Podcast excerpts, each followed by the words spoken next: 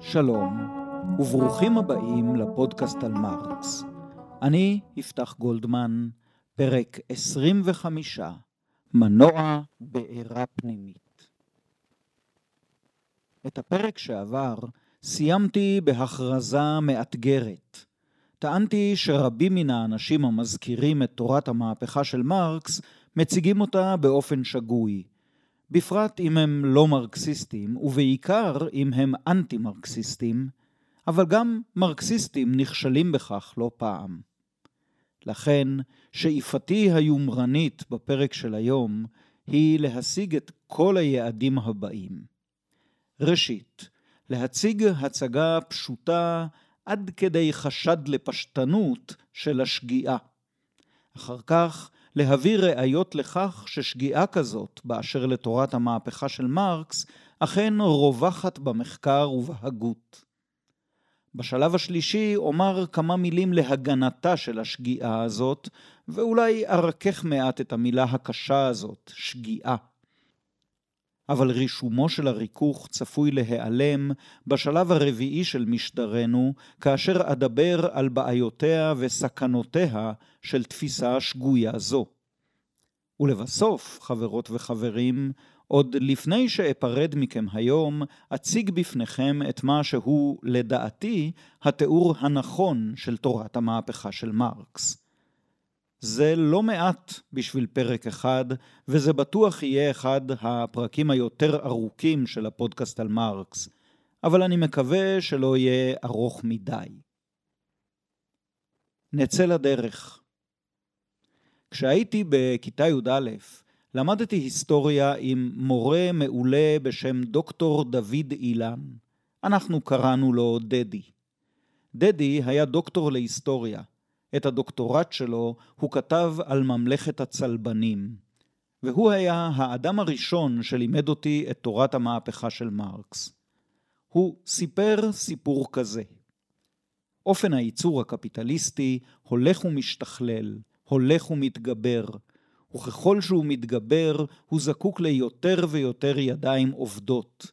הוא מגייס עוד ועוד עובדים שכירים הנדחסים ביחד במפעלי התעשייה, במכרות, בשיכוני הפועלים.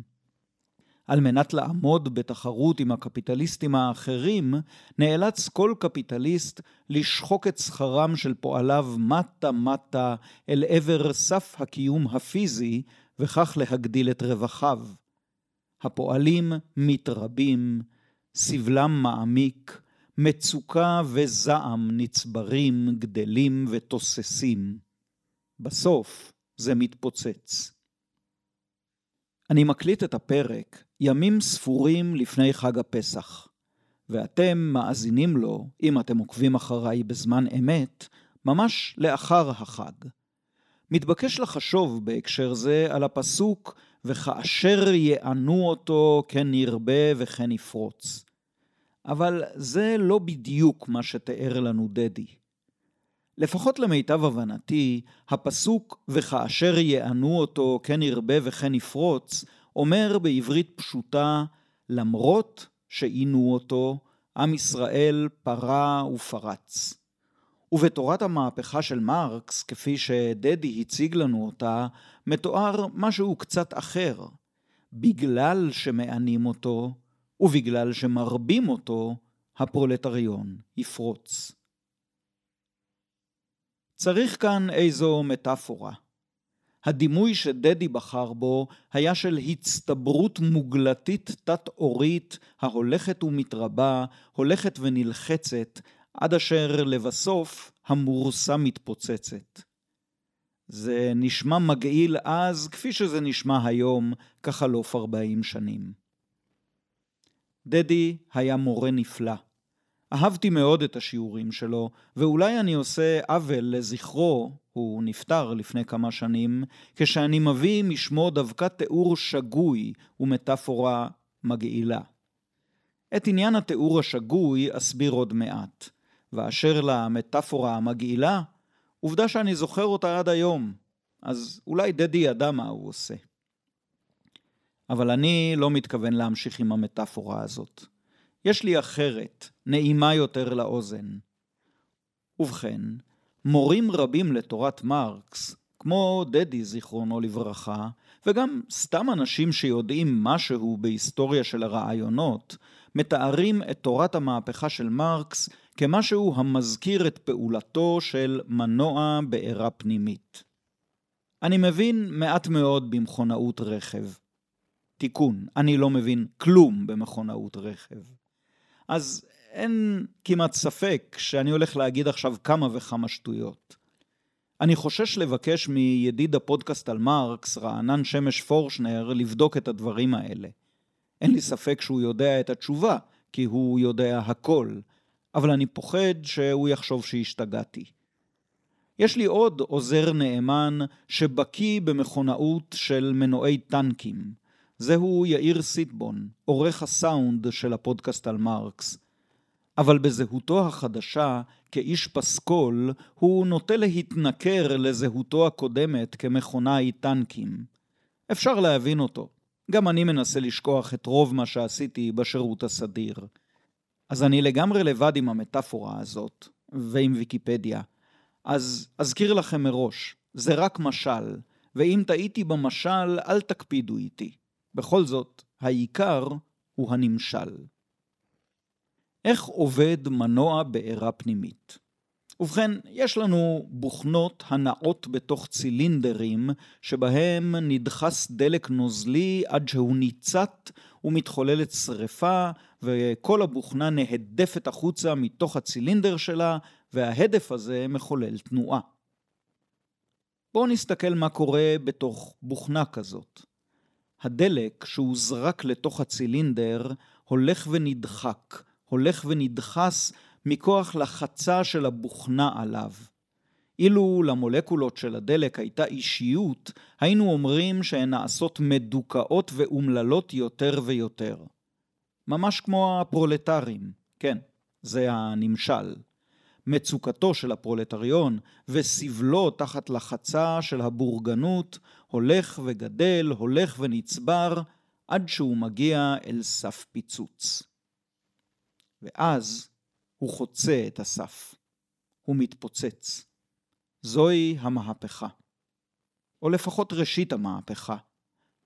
בלי שלב הדחיסה של הבוכנה במשל, ובלי שלב המצוקה המתגברת בנמשל, הפיצוץ לא יכול לקרות. או שהוא קורה, אבל לא מפיק אנרגיה רבה ולא מוליד מהפכה. אבל גם הדחיסה לבדה לא מספיקה. משום שבשביל הפיצוץ נחוצה הצתה. מה מצית את הדלק במנוע? ובכן כך, במנועי דיזל ההתלקחות מתרחשת באופן ישיר כתוצאה מן החום העז השורר בתוך הצילינדר. במנועי בנזין, לעומת זאת, נחוצה הצתה חשמלית, כלומר גורם חיצוני לתהליך המספק את הניצוץ. נחזור אל הנמשל. האופן שבו מרבים להציג את תורת המהפכה של מרקס משול למנוע הבעירה הפנימית, שבו הלחץ הגובר והולך על הפרולטריון גורם להתלקחות ולפיצוץ מהפכני. אם הולכים בכיוון הפרשני הזה, נדמה לי שמתאים לומר שמנוע הדיזל הוא משל הולם יותר לתורת המהפכה של מרקס, בעוד מנוע הבנזין הולם את תורת המהפכה של לנין. זאת משום שמרקס האמין ששחרור הפרולטריון יכול להיות וצריך להיות פרויקט של הפרולטריון עצמו. האמנסיפציה של הפרולטרים חייבת להופיע כאוטו-אמנסיפציה, כשחרור עצמי. רגע ההתלקחות, לפי מרקס, הוא רגע ההבנה העצמית המעמדית-מהפכנית של הפרולטריון. מרגע שהוא מבין את עצמו ואת שליחותו, פורצת המהפכה. התיאוריה אוחזת בהמונים כמו שאש אוחזת בשדה קוצים, או באדי סולר.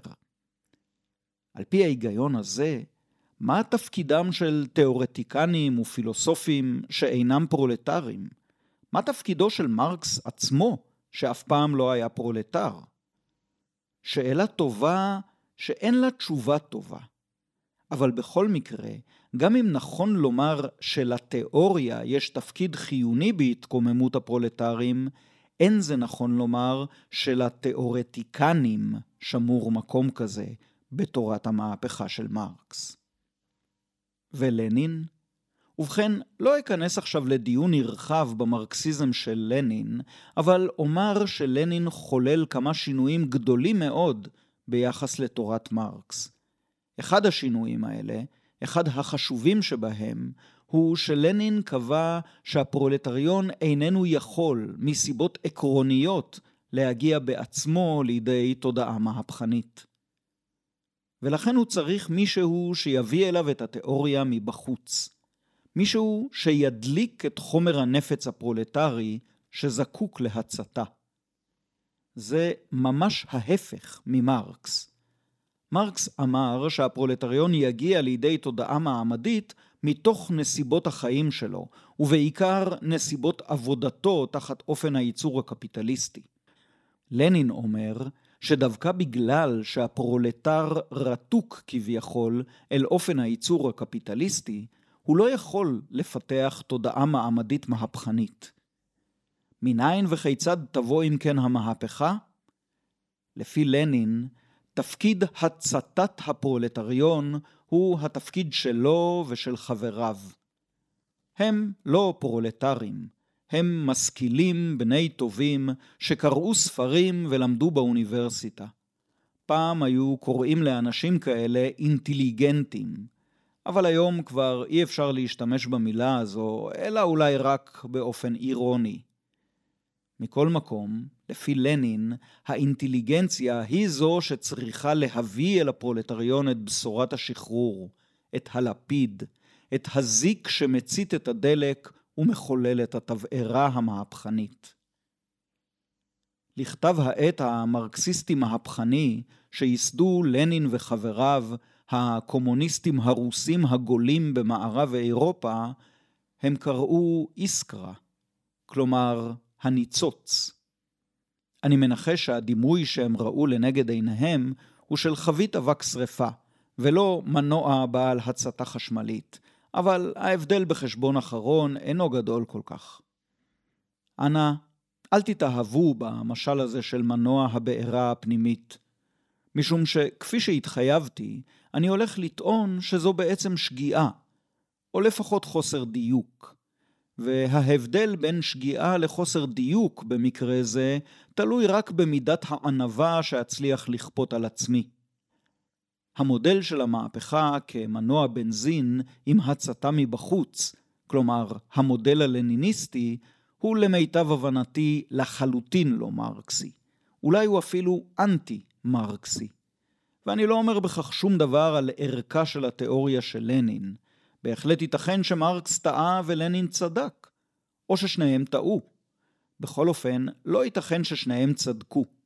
או שהפרולטריון מסוגל להגיע בכוחות עצמו לתודעה מהפכנית מתוך תנאי קיומו, או שבגלל תנאי קיומו הוא לא מסוגל להגיע לתודעה מהפכנית בכוחות עצמו. אבל כאמור, גם מנוע הדיזל, למרות שהוא יותר מוצלח, איננו משל טוב לתורת המהפכה של מרקס. משום שתורת המהפכה של מרקס לא מבוססת, אני חוזר, לא מבוססת על כך שהמצוקה החומרית של הפרולטריון תגיע אל נקודה שבה אי אפשר יהיה עוד לשאת את המצוקה והפרולטרים יחוללו מהפכה. כפי שכבר אמרתי, הטענה הזאת שלי חותרת נגד פרשנות מאוד פופולרית של דברי מרקס. לא רק דדי, המורה הנפלא שלי להיסטוריה, טעה כאן. כדי להמחיש את הדבר, אקרא אל דוכן העדות לא את קרל מרקס, אלא שני קרלים אחרים, קרל קאוצקי וקרל פופר. נתחיל מקאוצקי. קרל קאוצקי, פעיל מרקסיסטי חשוב, יליד פראג, היה בראשית המאה ה-20 התאורטיקן הבכיר של מפלגת ה-SPD הגרמנית, המפלגה הסוציאליסטית הגדולה והחשובה באירופה. הוא נתפס בעיני רבים וטובים, ואני הקטן שביניהם, כפרשן חשוב של מרקס. בהקדמה שחיבר קאוצקי לקראת הוצאה של אחד מספריו בשפה הרוסית בשנת 1906, הוא כותב כך: אופן הייצור הקפיטליסטי מציג שני צדדים, סבלו של הפרולטריון ועושרם של הקפיטליסטים. שניהם תנאים מקדימים לסוציאליזם. סבלו של הפרולטריון, ניצולו ודיכויו מעוררים את זעמו ודוחפים אותו להתארגנות עצמית ולמאבק נגד המדינה והחברה. מתוך כך נדחף הפרולטריון להתעלות מוסרית אינטלקטואלית ולעיתים קרובות גם פיזית, וכך הוא יוצר את הכוח המהפכני המיועד לשנות את החברה, לבטל את הבעלות הפרטית על אמצעי הייצור ולהיפטר מהבדלי המעמדות. סוף ציטוט. את הציטוט הזה אנחנו חייבים כמובן לרענן שמש פורשנר, ידיד הפודקאסט על מרקס. אין זה סוד שחוקרים, מורים ופודקסטרים משתמשים לאחרונה יותר ויותר בתוכנות בינה מלאכותית כמו צ'אט GPT. לא אני, אין לי צורך בכך. יש לי ערוץ מידע לא פחות זריז והרבה יותר מעמיק ואמין. אני קורא לו צ'אט רענן. הפילוסוף קרל פופר צעיר מקאוצקי בכ-50 שנה. את ספרו הגדול, החברה הפתוחה ואויביה, כתב במהלך מלחמת העולם השנייה. הספר התפרסם ב-1945. ניתן היה להניח שאדם שנולד בווינה במחצית הראשונה של המאה ה-20, ושהיה יהודי לפחות על פי חוקי הגזע של היטלר, ימקד את הדיון שלו באויביה של החברה הפתוחה בנאציזם ובפשיזם. אך לא כך. פופר אכן הזכיר את המגמות הפוליטיות המפלצתיות הללו, וכמובן שלל אותן מכל וכול, אבל את ספרו הגדול הוא הקדיש לביקורת קטלנית, פוליטית, אתית ופילוסופית על תורת אפלטון, תורת הגל ותורתו של מרקס. אותנו תעניין כמובן הביקורת על מרקס.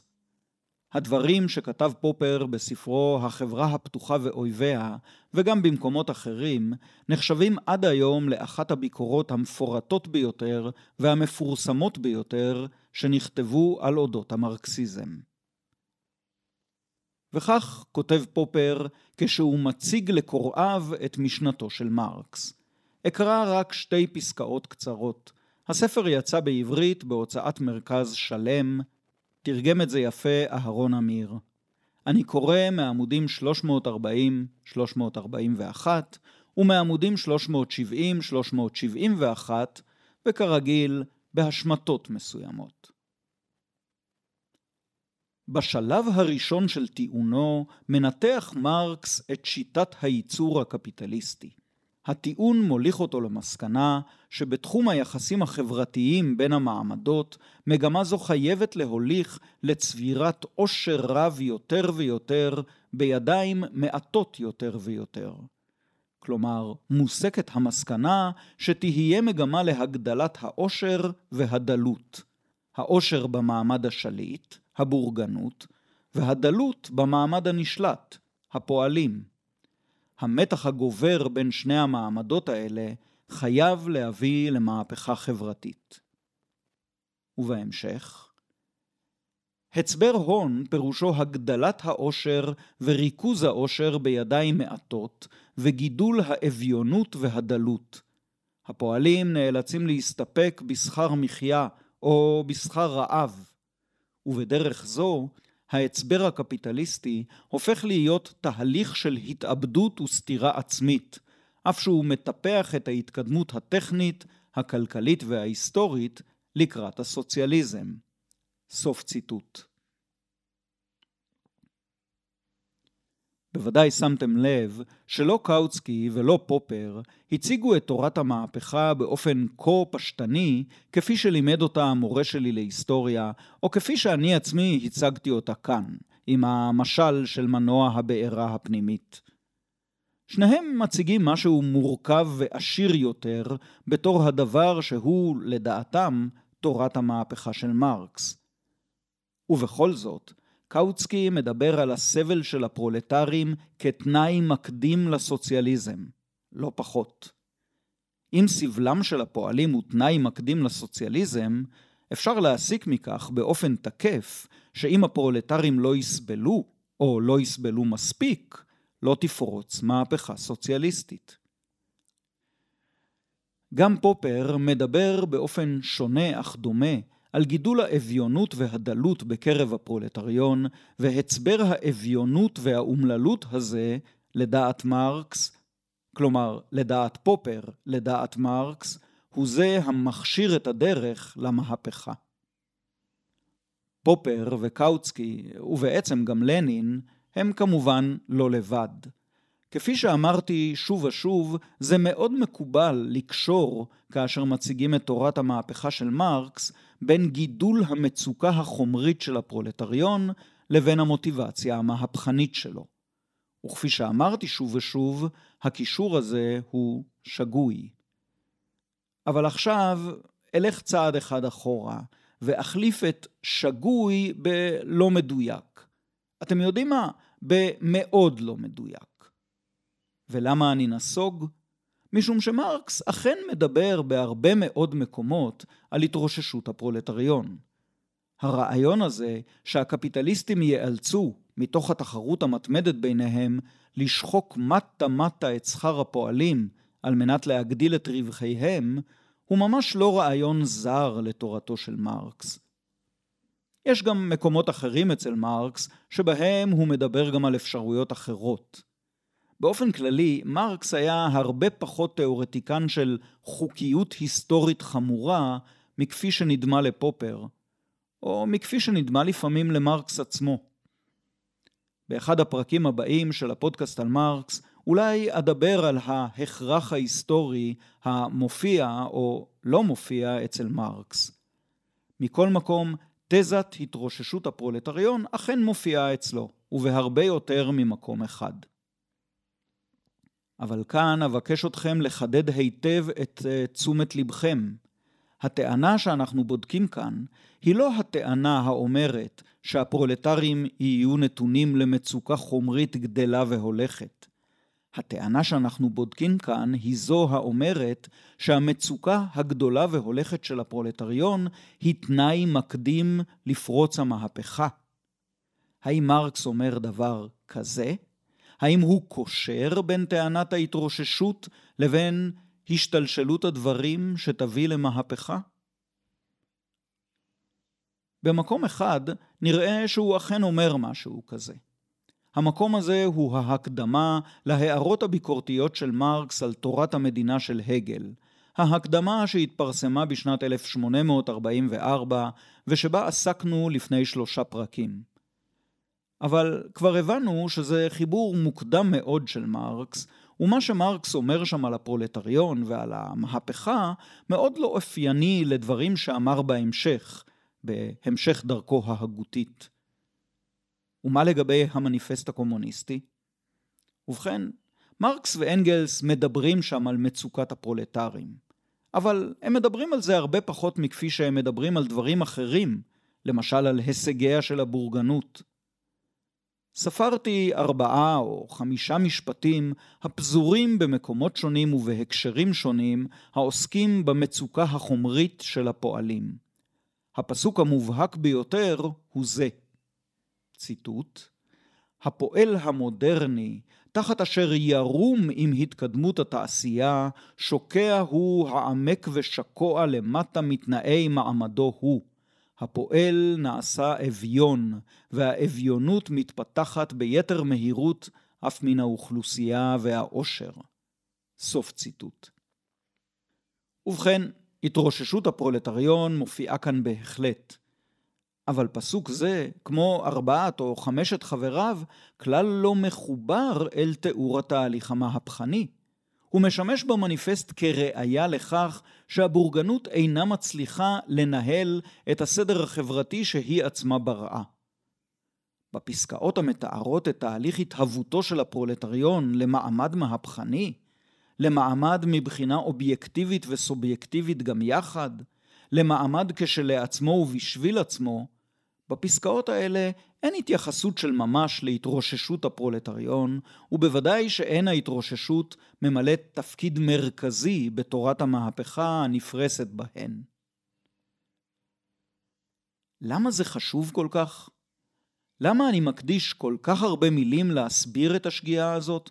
למה אני לא מסביר פשוט את מה שכתוב במניפסט הקומוניסטי ועובר הלאה? התשובה היא, ראשית, שזו שגיאה מאוד מאוד נפוצה. אבל זה לא הכל. זו גם שגיאה שיש לה השלכות בעייתיות מאוד, מבחינה אמפירית, מבחינה פילוסופית ומבחינה פוליטית. ראשית, הבעיה האמפירית. לאלה מן המאזינים שאינם בקיאים בתיאוריה מדעית או בפילוסופיה, אסביר שידע אמפירי פירושו ידע הנסמך על ניסיון ועל תצפית בעולם. ובכן, מבחינה אמפירית עלינו לקבוע שהתחזית של מרקס על התרוששות הפרולטריון לא התממשה. רמת חייהם של הפועלים, לפחות בעולם המערבי, דווקא עלתה עם התבססות הקפיטליזם, בעיקר אחרי מותו של מרקס, ולא ירדה. המצוקה נעשתה חמורה פחות, לא יותר. ובכן, אם אכן המהפכה תלויה לקיומה במצוקת קיום חריפה של מעמד הפועלים, כי אז אבד הסיכוי ובעצם אבד הקלח על כל תורת המהפכה של מרקס. היו שהציעו פתרון מסוים לבעיה זו על ידי שהבחינו בין התרוששות מוחלטת להתרוששות יחסית. התרוששות מוחלטת משמעותה שהפרולטרים מתרוששים עד שאין ידם משגת לקנות פת לחם לעצמם ולבני ביתם. התרוששות יחסית, לעומת זאת, פירושה שהיחס בין שכר הפועלים לבין הרווח שהם מייצרים לקפיטליסט יחס זה גדול מאוד וממשיך לגדול.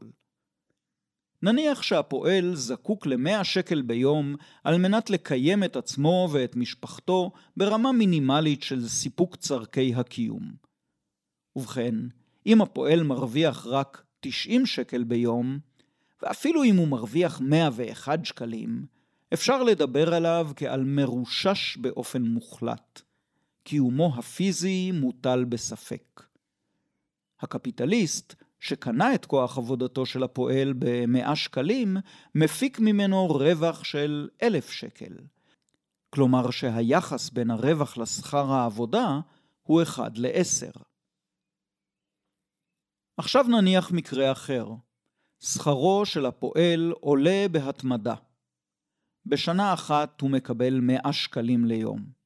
בשנה הבאה הוא מקבל 120 שקלים ביום. בשנה השלישית הוא מקבל 144 שקלים ביום, ובשנה הרביעית 173 שקלים. מכאן שהמשכורת שלו עולה בכל שנה ב-20 אחוזים. ומכיוון שנחוצים לו 100 שקלים ביום לשם קיום בסיסי, 173 שקלים הם בשום אופן לא התרוששות מוחלטת. אבל בואו נניח שבשנה הראשונה כששכרו של הפועל עמד על 100, הרווח של הקפיטליסט מעבודתו של אותו פועל עמד על 1,000. ובשנה הרביעית, כששכרו של הפועל עומד כבר על 173, הרווח של הקפיטליסט עומד כבר על נניח 3,500. אז פירוש הדבר שבשנה הראשונה היחס בין שכר הפועל לבין הרווח של הקפיטליסט היה אחד לעשר, לטובת הקפיטליסט כמובן. אבל בשנה הרביעית היחס הזה כבר הגיע לאחד לעשרים. ומכאן שלמרות העלייה המתונה בשכרו של הפועל, מבחינה יחסית, ביחס למגדל ההון שהוא מייצר, שכרו הולך וקטן. הוא גדל בערכים מוחלטים, אבל הוא קטן כפרופורציה. וזה הדבר שקרה באמת לפועלים בעולם המערבי החל מסוף המאה ה-19 ובמהלך המאה ה-20. משכורתם עלתה, רמת החיים שלהם עלתה, אבל מגדל ההון שהם ייצרו גדל עשרת מונים. המעבר מדיבור על התרוששות מוחלטת לדיבור על התרוששות יחסית, מציל לכאורה את התיאוריה של מרקס ומחזיר לה את התוקף האמפירי. אבל המחיר כבד, שכן אם באמת תלויה המהפכה במצוקה החומרית החריפה של הפועלים, קשה להשתכנע שהתרוששות יחסית אכן מעוררת תחושה חריפה כזאת. ככלות הכל, הפועלים יכולים, במקום להשוות את מצבם למצבו של הקפיטליסט, להשוות את מצבם למצבם שלהם בעבר, או למצב של אבא שלהם, או סבא שלהם, ולהגיד לעצמם, טוב, האמת, זה לא מעט כל כך מה שאנחנו מקבלים. פעם היה יותר גרוע. ובטח אי אפשר להגיד עליי שאין לי מה להפסיד במהפכה מלבד כבליי. ומכאן לבעיה הפילוסופית. אם הפרולטריון הוא בעיקר מעמד מסכן וסובל, זה אומר שהוא בעיקר גורם סביל, הוא קורבן. ואין זה ברור כלל איך סבל וקורבנות מולידים סובייקט מהפכני. לכאורה יש כאן לוגיקה פשוטה ובהירה. הפועלים יסבלו ויסבלו עד אשר לא יוכלו לסבול עוד, ואז יתקוממו. לאמיתו של דבר, המעבר הזה כלל לא ברור. איך הופך הקורבן הפסיבי לסובייקט מהפכני אקטיבי, מודע לעצמו ולכוחו ומכוון את מהלך האירועים לכיוון של ביטול הקפיטליזם ושחרורה של החברה. בני ישראל בעבדות מצרים סבלו סבל רב ועבדו בפרך, אבל בדיוק משום כך הם לא יכולים היו להפוך לסובייקט מהפכני. עם ישראל פסיבי, הוא משוחרר, לא משחרר. הגורם האקטיבי הוא אלוהים, או אם אתם מעדיפים פירוש אתאיסטי, הגורם המשחרר הוא משה. בני ישראל שקועים כל כך עמוק בעבודתם ובסבלם, עד שגם כשמשה מביא אליהם את בשורת השחרור מבחוץ, כשליח האל, הם לא מקבלים זאת. ככתוב, ולא שמעו אל משה מקוצר רוח ומעבודה קשה. כיוון שזו כבר הפעם השנייה שאני מזכיר היום את סיפור יציאת מצרים, אולי חשוב שאדגיש שלמיטב ידיעתי ושיפוטי, הסיפור הזה הוא מיתוס ולא היסטוריה. אבל איזה מיתוס. הוא אפילו מוזכר לפחות פעם אחת אצל מרקס, אבל על כך בפעם אחרת. נחזור אל סוגיית הקשר שבין התרוששות הפרולטריון והמהפכה. מניתי כבר שתי בעיות בהקשר זה, הבעיה האמפירית והבעיה הפילוסופית. עכשיו לבעיה הפוליטית. נניח שבאמת יש קשר חיוני בין התרוששותם של הפועלים לבין התרחשותה של מהפכת שחרור פרולטרית. מה הפרקטיקה המהפכנית הנגזרת מכך? כיצד צריך לפעול, נניח, חבר פרלמנט שהוא גם חבר המפלגה הקומוניסטית ונושא את נפשו למהפכת שחרור? כיצד עליו לפעול למשל כאשר מופיעה על סדר היום הציבורי תביעה להעלות את שכר המינימום של הפועלים? ובכן, ברור שהגדלת שכר מקטינה את מצוקתם של הפועלים ולא מגדילה אותה. ופירוש הדבר שאם יעלה שכר המינימום, יקטנו הסיכויים למהפכה.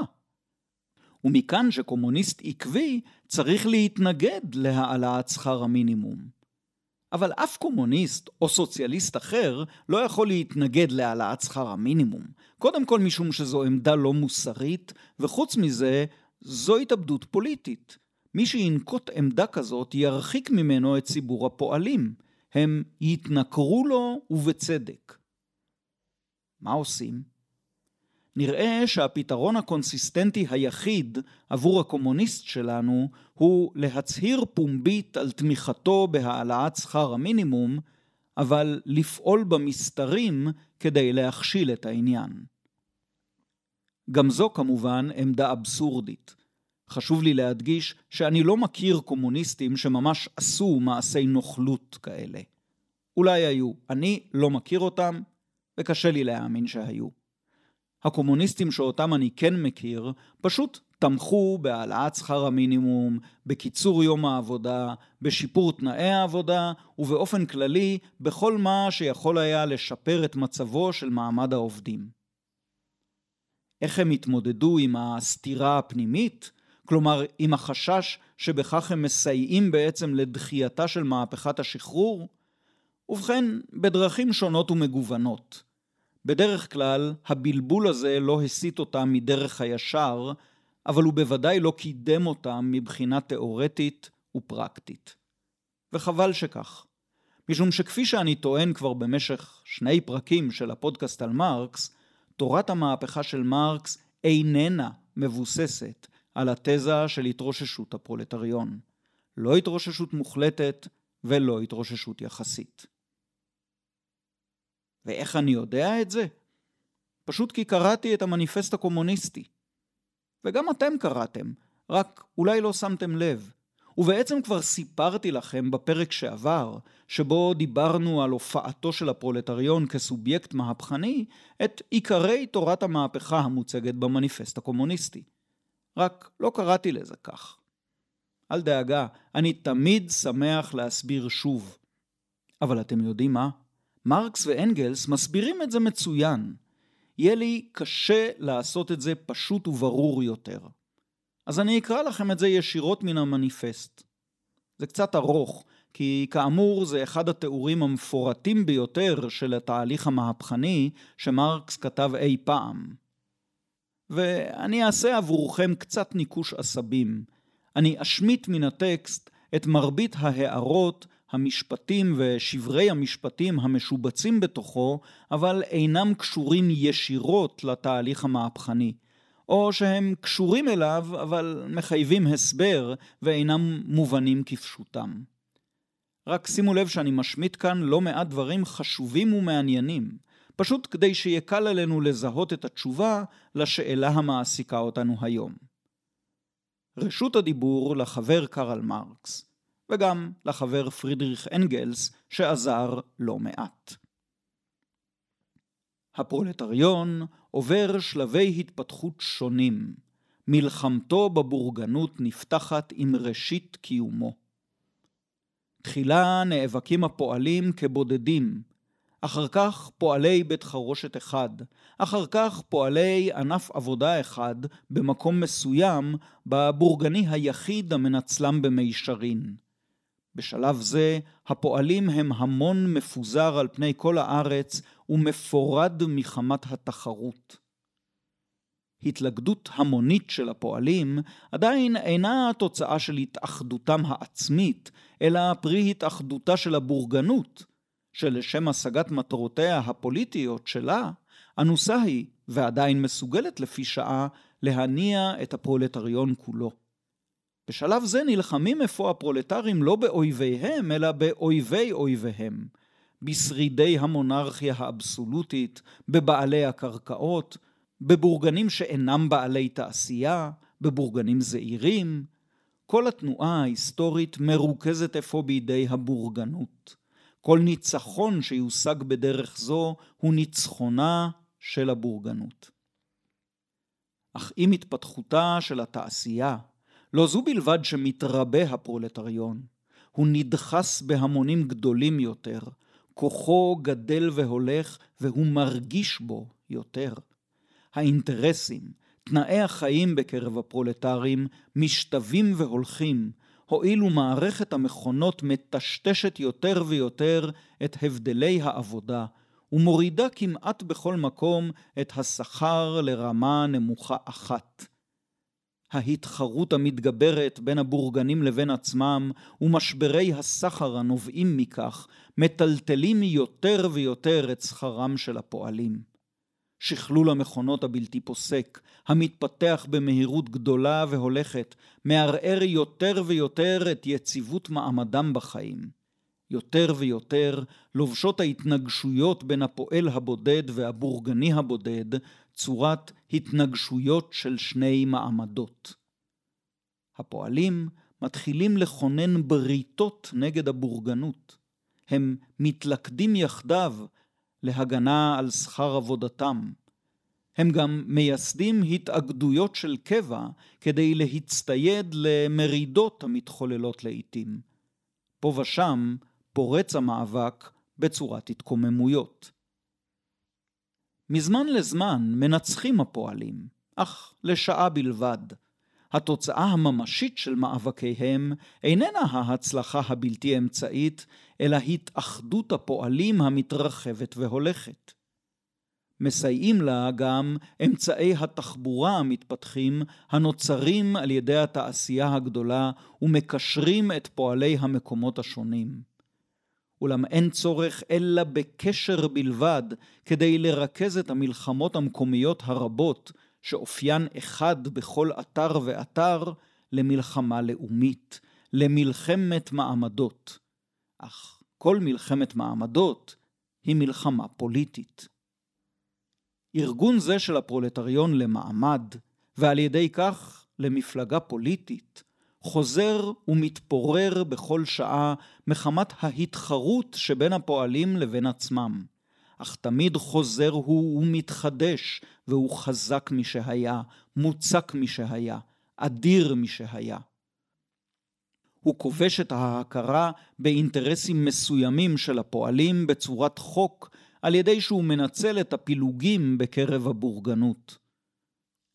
ובכלל, ההתנגשויות בתוך החברה הישנה מקדמות בדרכים שונות את מהלך התפתחותו של הפרולטריון. הבורגנות צרויה במאבקים בלתי פוסקים, ראשית נגד האצולה, אחרי כן נגד אותם החלקים של הבורגנות עצמה, שהאינטרסים שלהם נמצאים מנוגדים להתקדמות התעשייה, ובכל עת תמיד נגד הבורגנות של כל ארצות חוץ. בכל המאבקים הללו רואה היא הכרח לעצמה לקרוא לפרולטריון, לבקש עזרתו וכך למושכו לתוך התנועה הפוליטית. היא עצמה נותנת אפוא בידי הפרולטריון את יסודות השכלתה שלה, כלומר נשק נגד עצמה. וחוץ מזה, כאמור, מושלכים עקב התקדמותה של התעשייה חלקים שלמים של המעמד השליט לתוך הפרולטריון. על כל פנים נשקפת סכנה לתנאי קיומם. גם הם מקנים לפרולטריון יסודות השכלה לרוב. לבסוף, מי שמתקרבת מלחמת המעמדות לידי הכרעה, לובש תהליך ההתפוררות בתוך המעמד השליט, בתוך החברה הישנה כולה, אופי חריף מובהק כל כך, עד שחלק קטן מן המעמד השליט פונה לו עורף ומצטרף אל המעמד המהפכני. הוא המעמד הנושא את העתיד בכפיו. סוף ציטוט. אני מדלג על פני כמה פסקאות ומגיע אל סיכומו של העניין. ציטוט בשעה שתיארנו את השלבים הכלליים ביותר בהתפתחותו של הפרולטריון, עקבנו אחרי מלחמת האזרחים הסמויה, אם פחות ואם יותר, בקרב החברה הקיימת, עד לנקודה שבה היא מתפרצת במהפכה גלויה, והפרולטריון מכונן את שלטונו על ידי מיגור הבורגנות בכוח הזרוע. העבודה השכירה עומדת אך ורק על התחרות הפועלים בינם לבין עצמם.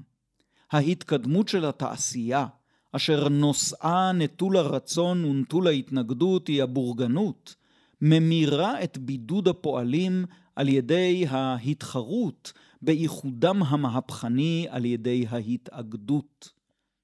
עם התפתחותה של התעשייה הגדולה נשמט אפוא מתחת לרגלי הבורגנות עצם הבסיס שעליו היא מייצרת ורוכשת את המוצרים.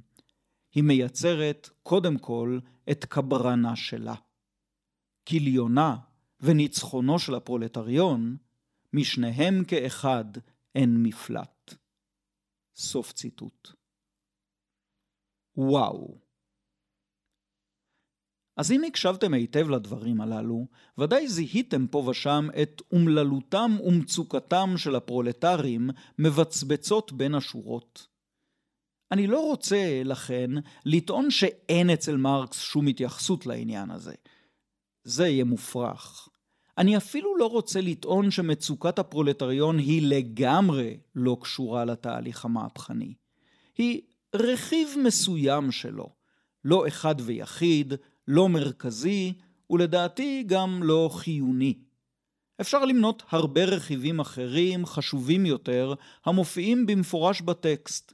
למשל, ההיקף הגדל והולך של מספר הפועלים המאכלסים כל מקום עבודה וכל רוב הפועלים עירוני.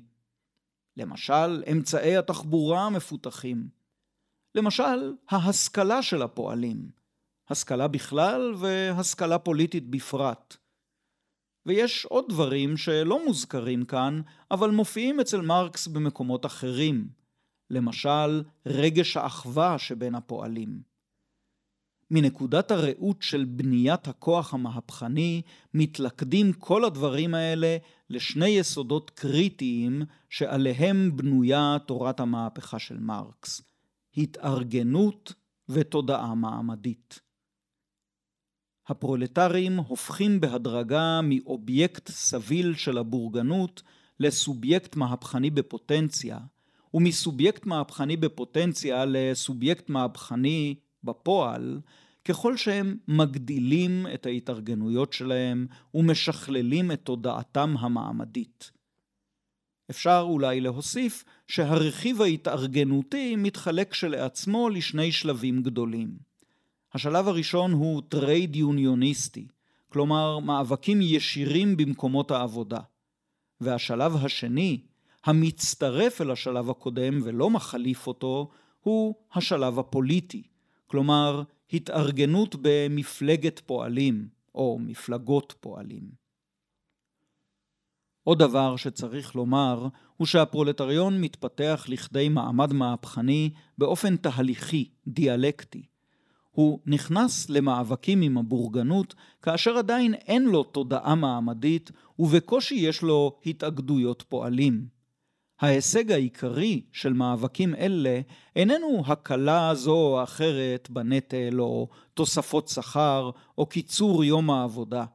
ההישג העיקרי הוא שהמאבקים מחזקים את יכולתם של הפועלים להתארגן ולשתף פעולה, והם מחדדים את תודעת המאבק שלהם.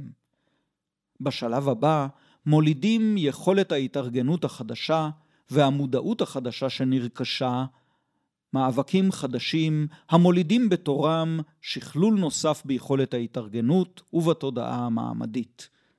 כך מתקדם הפרולטריון, או כך הוא אמור להתקדם, במסלול ספירלי ממאבק לתודעה ומתודעה למאבק עד לרגע שבו הוא מוכן להתקוממות הגדולה, לתפיסת השלטון הפוליטי במדינה, למהפכה.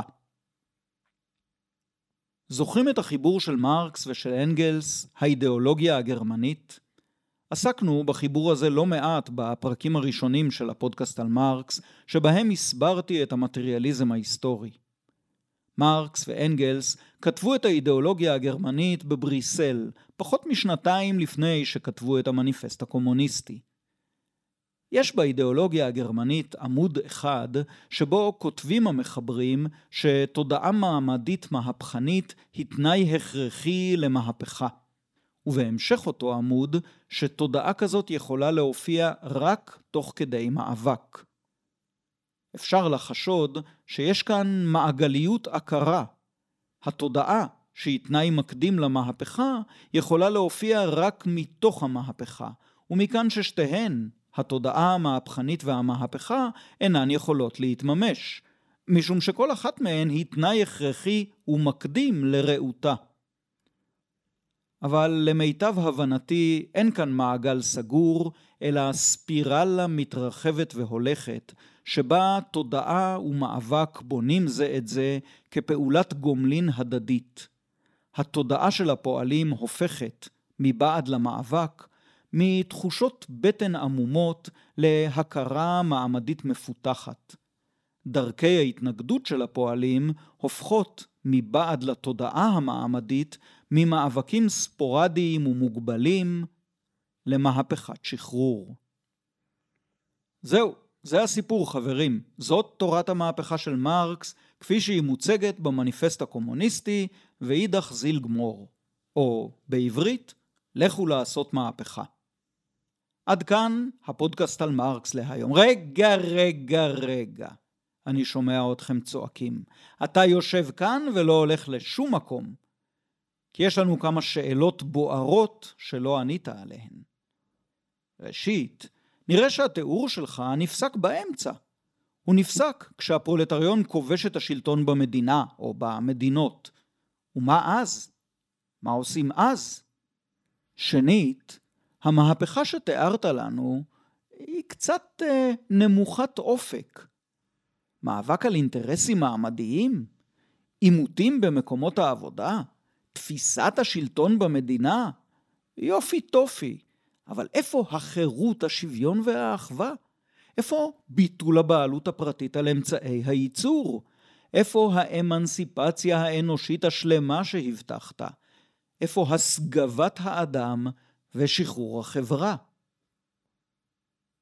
ושלישית, אנחנו זוכרים כמעט בוודאות שיש איזה מושג חשוב ומטריד המתקשר לתורת המהפכה של מרקס, ועד עכשיו לא אמרת שום דבר על המושג הזה. אנחנו מתכוונים לדיקטטורה של הפרולטריון. שמענו על זה משהו. בבקשה להסביר. ובכן, אני מקבל עליי בענווה להתייחס לכל השאלות הללו. אבל לא היום, משום שהפרק הזה הפך כבר עכשיו לאחד הפרקים הארוכים ביותר בתולדות הפודקאסט על מרקס, אולי הארוך ביותר.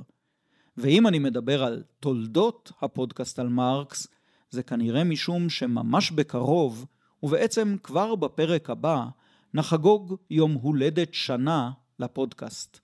לכן, בעוד שבועיים נחרוג מתוך רצף הדיון ונעשה משהו מיוחד, כיאה ליום הולדת. מה נעשה? אני עוד לא יודע. אתם מוזמנים להציע רעיונות באתר הפודקאסט, בדף הפייסבוק, באימייל, וואטסאפ או בכל דרך אחרת. ובפרק שאחרי הבא נחזור אל התיאוריה ונברר לפחות חלק מן השאלות שנשארו פתוחות בסוף הפרק הנוכחי. אז כאמור, עד כאן להיום. אני יפתח גולדמן. תודה ליאיר סיטבון על המוזיקה ועל הפקת הסאונד. תודה לכם שהאזנתם.